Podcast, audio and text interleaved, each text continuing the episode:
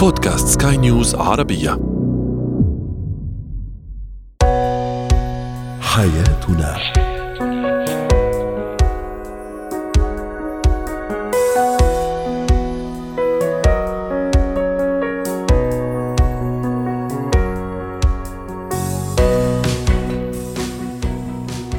مستمعينا الكرام أهلا بكم معنا إلى حياتنا وفضاؤكم اليومي الذي يعنى بشؤون الأسرة وباقي الشؤون الحياتية الأخرى والذي يمكنكم الاستماع إليه عبر منصة سكاي نيوز dot com slash podcast وباقي منصات سكاي نيوز العربية الأخرى. شاركونا عبر رقم الواتساب 00971 1886223 معي أنا آمال شاب. اليوم نتحدث عن طريقة ذكية للتعامل بها أو من خلالها مع الشريك العنيد سواء زوج أو زوجة. أيضا التعامل مع الطفل المشاغب ما هي الأسباب أولا. ثم كيف نتعامل مع هذا النوع من الأطفال؟ وأخيرا اتيكيت حفلات الشواء. وهي الشخص العنيد عموما هو الشخص الذي يأخذ كل الأمور بجدية زائدة وفي كل الأحوال وأيضا هو الشخص الذي يتصور أن أي أمر يتم طرحه ما هو إلا تحدي يحاول فيه فرض رأيه وبالقوة. ما بالك إذا كان هذا الأمر هذا العناد وهذا الشخصيه العنيدة هي زوجة أو زوج تحت أو في بيت الزوجية. كيف نتعامل مع الشريك العنيد بذكاء؟ رحبوا معي بالاستشارية النفسية والأسرية أستاذة لما الصفدي ضيفتنا العزيزة من دبي. سعد أوقاتك أستاذة لما أكيد من دون شك أنه التعامل مع الشخص العنيد متعب شوي يعني بده صبر وبده طولة بال وبده ذكاء وهذا هو موضوعنا اليوم آه، خاصة في بيت الزوجية. إذا كان زوج أو زوجة عندهم هذه الصفة كيف أتعامل معه بهذا الذكاء؟ دائما نحن نقول اولا اكتشاف السبب يعني هو بالحالة العادية نحن كأشخاص ممكن يكون ظاهره العند ممكن تكون وراثية بنسبة 20% تنتقل عن طريق الجينات ممكن يكون هو والده عنيد أو والدته عنيدة. والباقي هو مكتسب من البيئة والتربية. فأنا أحدد السبب. إذا كان من البيئة أعود إلى طريقة تعامل أهله معه. يعني هل والدته دائما هي تلبي طلباته؟ هل كان أسلوب الدائم بالصراخ وبالزعل وبإحداث مشكلة للحصول على ما يريد؟ فبالتالي طريقة تفكيري بحياته ما قبل الزواج كشريك تعطيني انعكاس لكيفية التعامل معه لأن كثير من الأحيان الزوجة بيحدث صدمات لأن هي عندها إحساس بأنه هي لا تستطيع التأقلم مع طباعه أو طريقة الفهم ما بينهم. عادة الزوج العنيد هو شخص تربى في منزل عائلته على أن يكون هو رقم واحد وكان دائما عن طريق التمسك برأيه وبقراره يقومون المحيطين فيه بتلبية قراره أو النقطة الثالثة اللي هو كان صاحب القرار. أحيانا يكون الأب مغيب الأب متوفي الأب لا شخصية له الأم مسيطرة فتختار أحد أولادها حتى يكون هو وكأنه خليفة للأب. بهذا الدور بتعطيه هي الأهمية وبتزرع فيه شخصية بأنه قرارك أو ما تريده من رغبات وأشياء معينة في الحياة لابد أن تلبى وبسرعة. جميل. وأحيانا ممكن يرجع لشخصية يعني الإنسان بحد ذاته بعيدا عن التربية ممكن تكوينه أيضا السلوكي والشخصي. أي نعم أكيد إحنا ما اختلفنا أنه يعني الأسرة عندها تأثير كبير جدا في تكوين شخصية الإنسان لكن أحيانا لا تلاقيه في بيئة عادية تربى بشكل عادي لكن هو كطبع هو طبع يعني طب نرجع أيضا هو أسرته تمام لم يتربى على إنه يكون شخصية عنيدة أو هي أيضا بالنسبة للزوجه الزوجة أحيانا أنا بأسلوبي أخلي الشريك يعند أكثر وأخليه يعني ينغمس أكثر في هذا في هذا الصفة. أليس كذلك أستاذة لما؟ إيه،, إيه طبعا طبعا أكيد معك حق. اللي بصير إنه أحيانا مثل ما حكينا الرجل بيكون عنده مشاكل من عدم الثقة بالنفس الشريك عنده مشاكل بطريقة تعبيره عن نفسه. وجود شريك مقابل له دائما بحالة تحدي دائما بحالة اللوم والعتب فبالتالي نحن ممكن نخلق الشريك العنيد لأنه أحيانا عدم التفاهم ما بين الأزواج والوصول إلى مرحلة من الراي المشترك في الحياة تجعل أحدهم يأخذ دور الرفض هو ما كان بشخصيته. ولكن نحن بنعرف بأنه الإنسان عنده ما يسمى بخطط دفاعية. صح. شو يعني دفاعية؟ يعني هو يدافع عن نفسه عن طريق ردة فعل تكون غير مناسبة للموقف المطروح صح 100% طيب أستاذ رما أنا الآن أمام هذا الموقف زوجتي عنيدة أو زوجي عنيد وممكن حتى يعند بس معي أنا يعني تشوفيه مع الناس العادية عادي جدا ياخذ ويعطي معاهم وبالنسبة لها أيضا نفس الشيء. واحيانا لا هو عنيد مع الكل. في طريقة معينة أنا أقدر من خلالها بطريقة ذكية طبعا وهذا موضوعنا اليوم. كيف أستخدم ذكائي؟ كيف أستخدم ذكائي العاطفي ذكائي الاجتماعي؟ إذا بدك حتى أحتوي هذا الشخص أو هذا الزوج العنيد أو هذه الزوجة العنيدة. آه، أول نقطة إذا كان هو فقط معي عنيد وباقي الناس مع باقي الآخرين هو شخص عادي ومتعاون ومتسامح فبالتالي طريقة العلاقة بينه وبينه هي المشكلة. جميل. هون هي بتكون عند بمكان معين. لابد أن أعيد طريقة حساباتي التعاطي معه إعطاء ثقة بالنفس أكثر أهمية. أحيانا في أشخاص بحبوا دائما الشخص يحسسهم بأنه أنت مهم في الحياة وبالمجتمع. فبالتالي أنا أسلط الضوء على هي النقطة. وأحيانا بالمقابل أكون أنا متنازلة عن شخصيتي. فبالتالي هو مع الآخرين مجرد كل شخص يكون دائما يعني عنده حدوده هو شخص طبيعي. ولكن عندما يرى بأنه الشريك هو متنازل عن كل الحقوق والآراء ممكن يصير عنيد على مسيطر. فاذا هي حالة آه، مختلفة. بنيجي للحاله هو عنيد مع كل الأشخاص. فبالتالي هون لابد أن آه، أصل إلى مرحلة تسمى المرونة النفسية اللي هي إنه أدرب نفسي على التأقلم مع شخص العنيده يعني دائما في الحياة ما نوصل لمرحلة فيها قرار واحد. نطرح عدة قرارات أنا ممكن أكون راضي عليها وأتركه يختار. اعطيكي مثال لو كانت الخروج من المنزل بدل ما يكون في النقاش اللي هو رح يقول لا أنا بعطيه عدة خيارات ولكن أنا داخليا ممكن يكون راضي عنها. إذا كنت أنا بسير بر أو حديقة أو بنسير مول أنا أوكي متوافقة معها وبترك له هو القرار إنه هو يقرر. جميل. فبالتالي دائما الشخص العنيد تخفيف الضغوط اللي بآخرها هو رح يقول كلمة لا. رائع. ممكن أحيانا آه، كمان هذه آه، أنا أعتقد إنه من الخطأ أيضا إنه نتكلم مع الزوج العنيد أو مع الزوجة العنيدة في لحظة يعني الغضب وفي لحظة العناد وفي لحظة التمسك بالرأي. ممكن أتصور أيضا من الحكمة ومن الذكاء آه، إني أترك هذا الشخص في لحظة عناده إني يعني أعطيه الانطباع إنه أوكي كله تمام يعني زي ما بدك أو زي ما بدك. وبعدين نرجع نناقش ونرجع نحاور لما يهدأ أو لما تهدأ هذا هذا الشخصية العنيدة. صحيح هو الشخص العنيد يزيد عنده لو كان في لحظة غضب لأنه نحن هون مثل ما حكينا بيستخدموا أسلوب دفاعي. مم. يعني أعطيكم مثال هو بيحمي نفسه بعنده فبتكون شخصيته غير مؤهلة للنقاش أو بيكون أو إنه يكون إنسان مرن أو متواضع فبيروح للعند كأسلوب هو يهرب فيه من كل ما يحدث حواليه. بتجنب مثل ما تفضلتي بإنه آه، أنا إنه يكون النقاش بيني وبينه بلحظة العصبية والغضب لأني أنا عارفة النقاش مسبقا. فتوقيت الحوار جدا مهم. اثنين في أشخاص الشخص العنيد عادة في أشخاص بحياته بيكونوا خط أحمر. يعني الشخص العنيد نحن بنعرف في أمور معينة بحياته بتكون هي غير قابلة للنقاش. عندما أنا أريد أن أصل معه إلى هدف معين أتجنب الاقتراب من الخطوط الحمراء. أها. بالتالي أنا أصل إلى هدف بس حتى إذا كانت هذه الخطوط الحمراء كمان من ضمن حياتنا أستاذة لما يعني يعني هي أيضا راح تقرر مصيرنا كبيت كزوج وزوجة وأولاد وعائلة.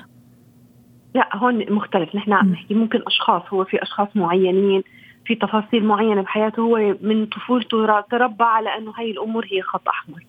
فبالتالي مم. أنا اوقلم حياتي على أنه مم. ممكن يصل إلى تنازلات معي ويتخلى عن عنده ولكن عدم الاقتراب من دائرة معينة أو أشخاص معينين ممكن يكونوا بحياته. طيب وكيف أتعامل إذا لا هذه الخطوط الحمراء آه، يعني هي من ضمن زي ما آه، أشرت في البداية أو قبل شوي إنه هي من ضمن يعني حياتنا عرفتي كيف؟ آه، لكن هو بالنسبة لي خط أحمر ما يحب يناقش فيه أو هي ما تحب تناقش فيه يعني. ممكن نعطيها زمن يعني م. نعطيه وقت. إذا هو حاليا متمسك برأيه ما نلح لأنه الالحاح رح يزيدوا عند خصوصا إذا كانت مثل ما تفضلتي هي أساسي بحياتي أو بحياه أولادي. لكن مثلا كيف بيصير؟ الشخص العنيد دائما عنده حدة العند بتكون على مراحل. أحيانا بيكون عند خفيف بقرارات بسيطة أحيانا بيكون بيتمسك برأيه. لما نحن نوصل لمرحلة نحسه أنه وصل إلى الذروة وتمسك بالرأي نتوقف عن الحوار. خصوصا إذا مثل ما حكينا هي تفاصيل مصيرية بحياتنا. صحيح. نعطيه وقت. أحيانا مع الوقت الشخص العنيد بيغير رأيه لأنه هو من الأساس أصلا رأيه ما كان منطقي أو مبدئي. فبنشوفه بعد فترة لو طرحنا بعد ثلاث أيام أربع أيام بظرف زماني ومكاني نفسي مختلف بنشوفه بنشوف ردود أفعاله واضح. ممكن مختلفة. مختلفة. أقل. شكرا لك يا أستاذة لما صفدي الاستشارية النفسية الأسرية ضيفتنا العزيزة من دبي ويعطيك ألف عافية. زينة الحياة. اليوم في زينة الحياة سنتحدث عن الطفل المشاغب. ربما أكثر ما يميز الأطفال في سن الطفولة المبكرة هو السلوك المشاغب. أحيانا هذا السلوك يخف أحيانا لا يستمر حتى في الطفولة آه، بعدين حتى أيضا على أبواب سن المراهقة. المشاغبة هل هو صفة إيجابية دليل على أنه فطن حرك ذكي؟ أو لا قد تعطي انطباع آخر على أنه ممكن يحمل صفات عدوانية ممكن عصبية يعني راح يكون عصبي وما إلى ذلك. دعونا نتعرف على هذا الموضوع مع الأستاذة نور وليد الخبيرة التربوية يسعد أوقاتك أستاذة نور. ممكن نسمع كثير من الآباء والأمهات أنه طفلي مشاغب أو بنتي مشاغبة الحقوني. يعني أنا ما عم أعرف أقدر أسيطر عليه. أي نعم ذكي وهذا بس لا مشاغب. يعني مجنني بين قوسين. ما الذي يجعل طفل عن آخر يعني يتميز بهذا الصفة أنه يكون مشاغب أكثر من من ولد آخر؟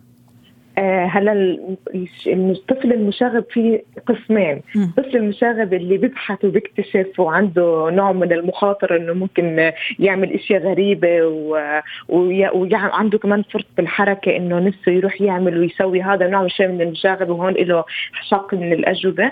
أو يكون مشاغب بسبب إنه هو عنده ردود فعل زي الاعتداء أو العصبية أو مستهتر أو ما عم بيرد على كلام الأهل. هون أو يعمل مشاكل مع أصحابه ومع الجيران الجيران مع أصحابه في المدرسة؟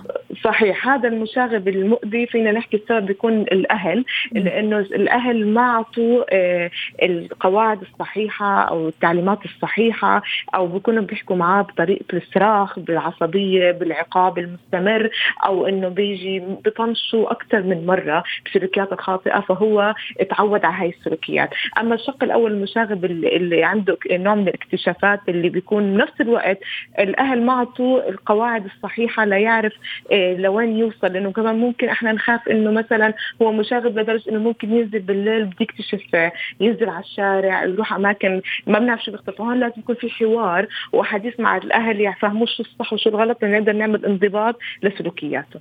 رائع جميل.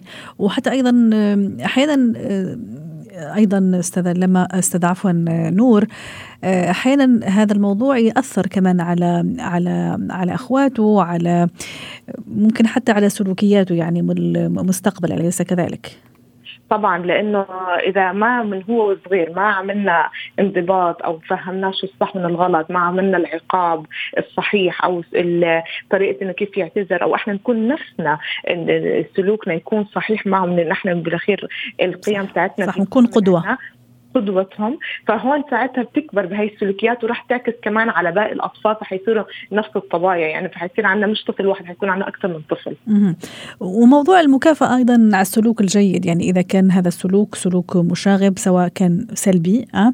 أو حتى إذا كان إيجابي لكن مبالغ فيه يعني إذا هو هذا الطفل يعني لا سمع لكلامنا وسلوكه كان جيد ويعني ويعني ولبى بين قوسين يعني الكلام اللي أنا كنت أحكيه.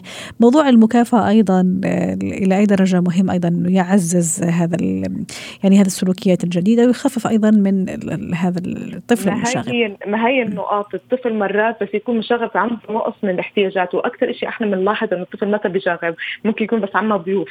آه صح. يلفت الانتباه أحيانا. يلفت انتباهه لا وبده الشيء اللي هو حارمينه أهله فيه. صح يغتنم الفرصة. يغتنم الفرصة. فعشان هيك ليش ما نحن نعطيه اللي بده إياه بطريقه إنه بس على على الأقل نقول له نفهمه هم لازم الأهل يفهموا إنه الطفل مش انخلق وعارف شو الصح والغلط. إحنا لازم نعلمه وإحنا نكون قدوته. يعني مثلا إذا عمل شيء كان أول مرة عمله غلط وكان مشاغب فيه إحنا بنفهمه إنه هذا السلوك خاطئ وبنتمنى إنك ما ترجع تعيده. وإذا رجعت تعيده في في عقاب. ما نعاقبه من أول سلوك خاطئ سواه لأنه هو بالأساس أنت بتكون مش حاكي معه ولا أنت منبهه أو هو لأنه مرات تكون عنده سلوكيات من اكتشافاتهم. أنا زي ما حكيت إنه نوع من الاكتشاف والحب الحب التطور. فهون بيجي بده يطوروا أشياء جديدة تعلموها ومن غير ما يصير الاهل فهون إحنا من مش, مش نعاقبه. لا نيجي نقول له مثلا أنت هون عملته غلط أو لازم كانت تستشيرنا أو أسلوبك كان خاطئ في ردك بأسلوبك مع الناس. فهون إحنا بنعطي آه، السلوك الصحيح. إذا رجع عاد هون إحنا حنكون حازمين وفي عقاب. أيوه أنا كنت راح أسألك كمان على موضوع العقاب أستاذة نور. كيف راح يكون هذا العقاب وكيف يكون أيضا هذا الحزم لأنه إذا يعني توعدناه بالعقاب أتصور إنه لازم يكون هذا العقاب حتى ما يستسهل بعدين الأمر. خلينا نقول عقاب مثلا على حسب شو النوع الغلط. خلينا نقول مثلا إنه مسك الألوان و... وخربش على الحيط إحنا حنقول له يلا نظف الحيط. فهو يوم يجي ينظف الحيط قديش الموضوع كان صعب. أو مثلا إنه كسر شيء نجي نقول له تعا آه، نظف المكان أنت اللي كسرته. أو مثلا آه، خرب شيء حنقول له تعرف حيكون هذا العقاب. وبنفس الوقت حرمان شيء بسيط الشيء اللي بيحبه ممكن آيباد أو إنه كان بيروح مشوار. بس قبل ما نعطيه العقاب نحن لازم نفهمه إنه هي أول مرة عملتها غلط بتصلح ثاني مرة إذا في حتصلح مع عقاب حرمان. فلازم نكون إحنا واضحين معهم. ما نيجي مثلا نقول له آه صلح غلطك وكمان في عقاب. لا أول مرة بيصلح غلطه ثاني مرة ونفهمه إنه هذا ما سلوك غير جيد إذا جات انت حتصلح وتعاقب. فهيك إحنا بنكون واضحين مع أولادنا. فبت... وعلى سيره الوضوح أيضا أستاذة نور يعني ضروري جدا إنه يكون في الاتفاق أيضا بين الأب والأم. أحيانا الأب لما يكون هذا الولد مشاغب جدا ممكن يعاقب زي ما تفضلتي بالطريقة اللي عم نحكيها فيها. ممكن الأم لا تروح تسامح على طول. ممكن يعني تحاول إنه يعني تعترض على على طريقة العقاب ولا على هذا العقاب أحيانا العكس صحيح. فالفكرة إنه لازم نكون متفقين كأب وأم أيضا على هذا الطفل المشاغب كيف راح تكون الطريقة كيف راح يكون المعاملة. اسلوب لأنه ضروري يعرفوا الأهل إذا أنت الطفل مشاغب وزاد معناته صار آه، عدواني صار عصبي بالأخير حيصير غاضب وحيجي يحرجنا مو بس كمان قدام الضيوف حيحرجنا برا. فلازم يتفقوا يكون سلوكهم هادئ منضبط يتفقوا على القرارات يتفقوا بطريقة الحوار معه يفهموا شو الصح والغلط عشان نعمل له ضبط بردود فعله لأنه هاي حتعكس أكثر عليه كمان إنه حيصير كمان طفل مش محبوب بكرة مع أصدقائه مع أخواته أخواته حيتقمصوا هذا السلوك فلازم يفهموا الأهل إنه رده فعلهم لازم تكون هادئة حازمة واضحة ويفهموا شو الصح والغلط عشان نعمل ضبط وتقلل عنده المشاغبة.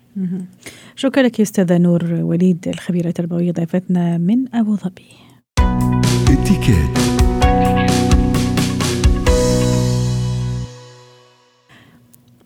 اليوم في اتيكيت نتحدث عن اتيكيت حفلات الشواء الباربيكيو يعني. وطبعا يمكن هذه الفترة الطقس فيها جميل ويتحسن كثير في خاصة في المنطقة هنا في الخليج. ونتحدث عن اتيكيت حفلات الشواء. رحبوا معي بخبيرة الاتيكيت ناتالي أندراوس ضيفتنا العزيزة من بيروت. يسعد أوقاتك أستاذة ناتالي. كما أشرت الآن الجو في تحسن الأجواء والطقس طبعا والوقت المناسب للطلعات طلعات الأصدقاء والأحباب خاصة أيضا مع يعني الانحسار في في المنطقة أيضا في منطقتنا الإصابات بكورونا. ممكن أيضا شوي شوي الأمور بلشت ترجع إلى عادتها والأمور اللي ما كانت عليه من قبل. كيف؟ وما هي الأشياء اللي أخذها في عين الاعتبار لما أفكر إني أعمل حفلة باربيكيو أو حفلة شواء للأصدقاء؟ في ممكن الحديقة حديقة بيتي ممكن حتى في الحدائق العامة ولا حتى في البر. آه، بالنسبة لحافة المشاوي أكيد دائما المحبس خاصة مثل ما عم تذكري حضرتك كأمال أنه الطقس هلأ صار كثير حلو. فبالتالي أنه نعمل الحفلة بالهواء الطلق بيكون كثير منيح. خاصة أنه نحن بنعرف أنه حفلة المشاوي يعني فيها دخنة يعني بتر أنه تنعمل بالهواء الطلق. هلا يمكن آه ممكن انه يطرق تغيير بالطقس وممكن نرجع نعدل بالمحل. هذه دائما بتحصل. فيا إنه ممكن نحن بنغير تاريخ الحفلة بنرجع بننقلها على غير تاريخ على غير نهار أو ممكن ننقلها على محل مسكر. هلا بالنسبة لل يعني الشخص اللي عنده حديقة أكيد هون بيكون ضمن بيته ضمن منطقه الراحة تبعته وبالتالي بيقدر يقوم بالتحضير بالطريقة الأفضل وبيقدر يقوم بالتنظيم الحفلة بالطريقة الأفضل. بس أكيد أه ما بيمنع إذا شخص ما عنده حديقة ببيته يعملها بحديقة عامة. بس هون كثير بدي انبه إنه بده يكون الشخص منظم كثير لحتى يعملها إنه برات البيت لأنه بده يكون عامل to-do list بده يكون عامل checklist لأنه آه، مش مفروض يكون منقص فيه على ضيوفه. رائع. وحتى أيضا بدنا نشير أحيانا نكون ساكنين في بناية أكيد كمان عم نحكي هون في المنطقة يعني في منطقة الخليج. في آه، طبعا أماكن مخصصة للشواء في البنايات عادة تكون على الأسطح. وأيضا يجب التنسيق أيضا مع إدارة يعني البناية حتى يعطوك الوقت المخصص لك حتى أيضا ما يصير في تداخل ممكن في ويكند في الأيام العطل ممكن كل الناس كل العوائل تحب تطلع لهذه الأماكن المفتوحة حتى تعمل حفلات الشواء. وبالتالي التنسيق أيضا ضروري فموضوع التنسيق كثير مهم ست ناتالي. في شيء آخر أيضا لازم أخذه بعين الاعتبار لما أقرر أعمل حفلة شواء خلينا نقول مثلا تقسيم المهام تقسيم الأدوار ممكن أنا عازمه أكثر من شخص. فحين مثلا سي من الأشخاص مثلا ناتالي بتقول أنا راح يجي راح أجيب مثلا السلطة. صاد من الأشخاص ممكن راح تجيب هي العصائر والماء والمشروبات وما إلى ذلك. كيف تكون الطريقة؟ هلا هو عادة الشخص اللي بيكون العامل العزيم القايم بالعزيمة آه هيدا ترجع له له إذا هو حابب يخلي إنه الناس اللي داعيهم يشاركوا هنا بتحضير الأكل مم. أو ممكن هو ياخذ القرار إنه هو يكون محضر كل شيء from A to Z آه إذا بحال أنه حب يشارك الضيوف تبعه لأنه بالتحضير أكيد هون دور الشخص اللي هو اللي عم بيقوم بالدعوة دوره أنه هو يقسم المهام على الضيوف فبالتالي أنه هون ساعتها أكيد بالتنسيق مع الضيوف يعني ما فينا كمان نفرض على الضيف شغلة يمكن هو منه قادر يعملها. فهون ممكن أنت بتعطي الخيارات أنه أنا هدول الأمور اللي حابين نحن أو أكيد بالاتفاق وبالتنسيق مع الضيوف إنه شو رأيكم نعمل هدول الأمور؟ ومين قادر إنه مثلا آه، يعمل هذه الشغلة؟ مين قادر؟ هن بيصيروا إنه دي تشوز كل واحد منهم هو بصير يقرر. لأنه بنعرف كثير ناس إنه ممكن هي شاطرة تعمل سلطه في ناس إنه ممكن تعمل الحلو. في ناس شاطرة بالتتبيله يعني. فهون كل واحد هو شو القصص اللي هو بيحب يعملها. هلأ آه، دائما بس إنه نعرف إنه هو المتعارف عليه أكثر الشخص اللي هو بيقوم بالعزيمة اللي هو بيكون قايم بالتحضير بكل شيء. ف آه، هون بس بدي الفت النظر. الشخص المدعو آه لو إنه آه يمكن هو سأل إنه آه، الشخص اللي عازمه إنه أنا شو في يجيب شو في أعمل؟ قال له إنه كله تمام وكله ماشي الحال وبس آه، تاع حضرتك أنت جيب آه، يعني نفسك وتاع آه لازم نحن دائما نكون اخذين معنا شيء بايدنا ما نروح فاضيين. وش السر ست ناتالي؟ دائما هذه المهمة والمهمة تكون موكلة للرجل يعني مثلا ممكن الزوجة إيه ممكن تحضر وتشرف على التحضير الطاولات والسلطة لكن ممكن هذه العملية دائما يقوم بها الرجل. في سر معين في في سبب معين؟ هو السر إنه عادة لأنه بدك توقفي أنت على وقت طويل يعني بالنسبة للمشاوي. بنعرف نحن المشاوي لأنه بياخذوا وقت. آه، وبالتالي إنه آه، هون المهم إنه كمان في عندك التهوية اللي بدك تولع الفحم. ففي في physical effort بده يكون بينعمل عادة على موضوع المشاوي وبالتالي من هيك آه، الرجل هو بيستلم. بس هذا الشيء ما بيمنع إنه إذا اللي هي يعني صاحبة الدعوة إنه حابة كمان تقوم بالمشاوي أو حتى كمان هون بدي ألفت النظر أمل إنه مش بالضرورة الشخص اللي هو القايم بالعزيمة هو يكون عم يستلم المشاوي كل الوقت. يعني فيك يمكن تبلشي بالمشاوي وكثير بنعرف إنه المدعوين المدعوين بيحبوا يشاركوا بالشوي يعني هيدي من القصص اللي بتكون إنه نوع من الانترتينمنت يحبوا يشاركوا أحيانا آه، ممكن جوعنا ممكن الريحة الطيبة الريحة الزاكية ممكن تخلينا كمان وحتى عم يسألوا الشباب إنه اسأليها لست نتلي أحيانا ممكن ناكل ها آه، ندوق مثلا اللقمة أو ناكل يعني شوي من هذا. قبل ما قبل ما نفرد البوفيه أو قبل ما نفتح البوفيه هل هذا الإتيكيت ولا لا؟ لازم نصبر وننطر لغاية ما يفتح البوفيه. لا هي حفلة المشاوي هي تعتبر كاجوال يعني م. هي آه بدها تكون إنه آه عفوية. وكثير بنعرف إنه مثل ما عم بيقولوا الشباب إنه في ريحة الأكل فممكن إنه ما نقدر إنه آه نقاوم. يعني نقاوم اكزاكتلي فإنه يعني نحن هيك وجعنا. يعني ما شفنا شيء بس عم عم نتخيل وجعنا. عم نتخيل الأكل وجعنا. بالعكس إنه إذا أنت شلتي لقمه عن شوية وقدمتيها لأحد من ضيوفك إنه يعني بالعكس هذا بتعمل أجواء حلوة بالعكس بتحسسيهم إنه هن يكرموا بهذه الطريقة. فلا منه ابدا أساس إنه أنت تنطري ليخلص الشو نهائيا لحتى نقعد على طاولة. بالنتيجة هي كاجوال جاذرينج منه شيء إنه آه، رسمي ومنه شيء نعم. كثير رسمي. وبدي ألفت النظر إنه هون لازم ينتبهوا لحتى اللبس. يعني أنت بدك تروحي رايحة كاجوال يعني أنت ممكن إنه إذا عم نحكي بجنينة ممكن إنه آه، ما يكون في كثير محلات بطريقة تأدي بطريقة كثير مضبوطه يعني بدي حتى للنساء إنه آه، يلبسوا قصص إنه يكونوا مرتاحين فيها مش إنه يكونوا متوقعين إنه يكون في عندهم مقعد خاص ناس لهم يعني بدهم يكونوا لابسين بطريقة جدا مريحة وكيف ما قعدوا يكونوا هن مرتاحين معها ملاحظة كثير مهمة. شكرا لك ناتالي أندراوس خبيرة الاتيكيت ضيفتنا العزيزة من بيروت.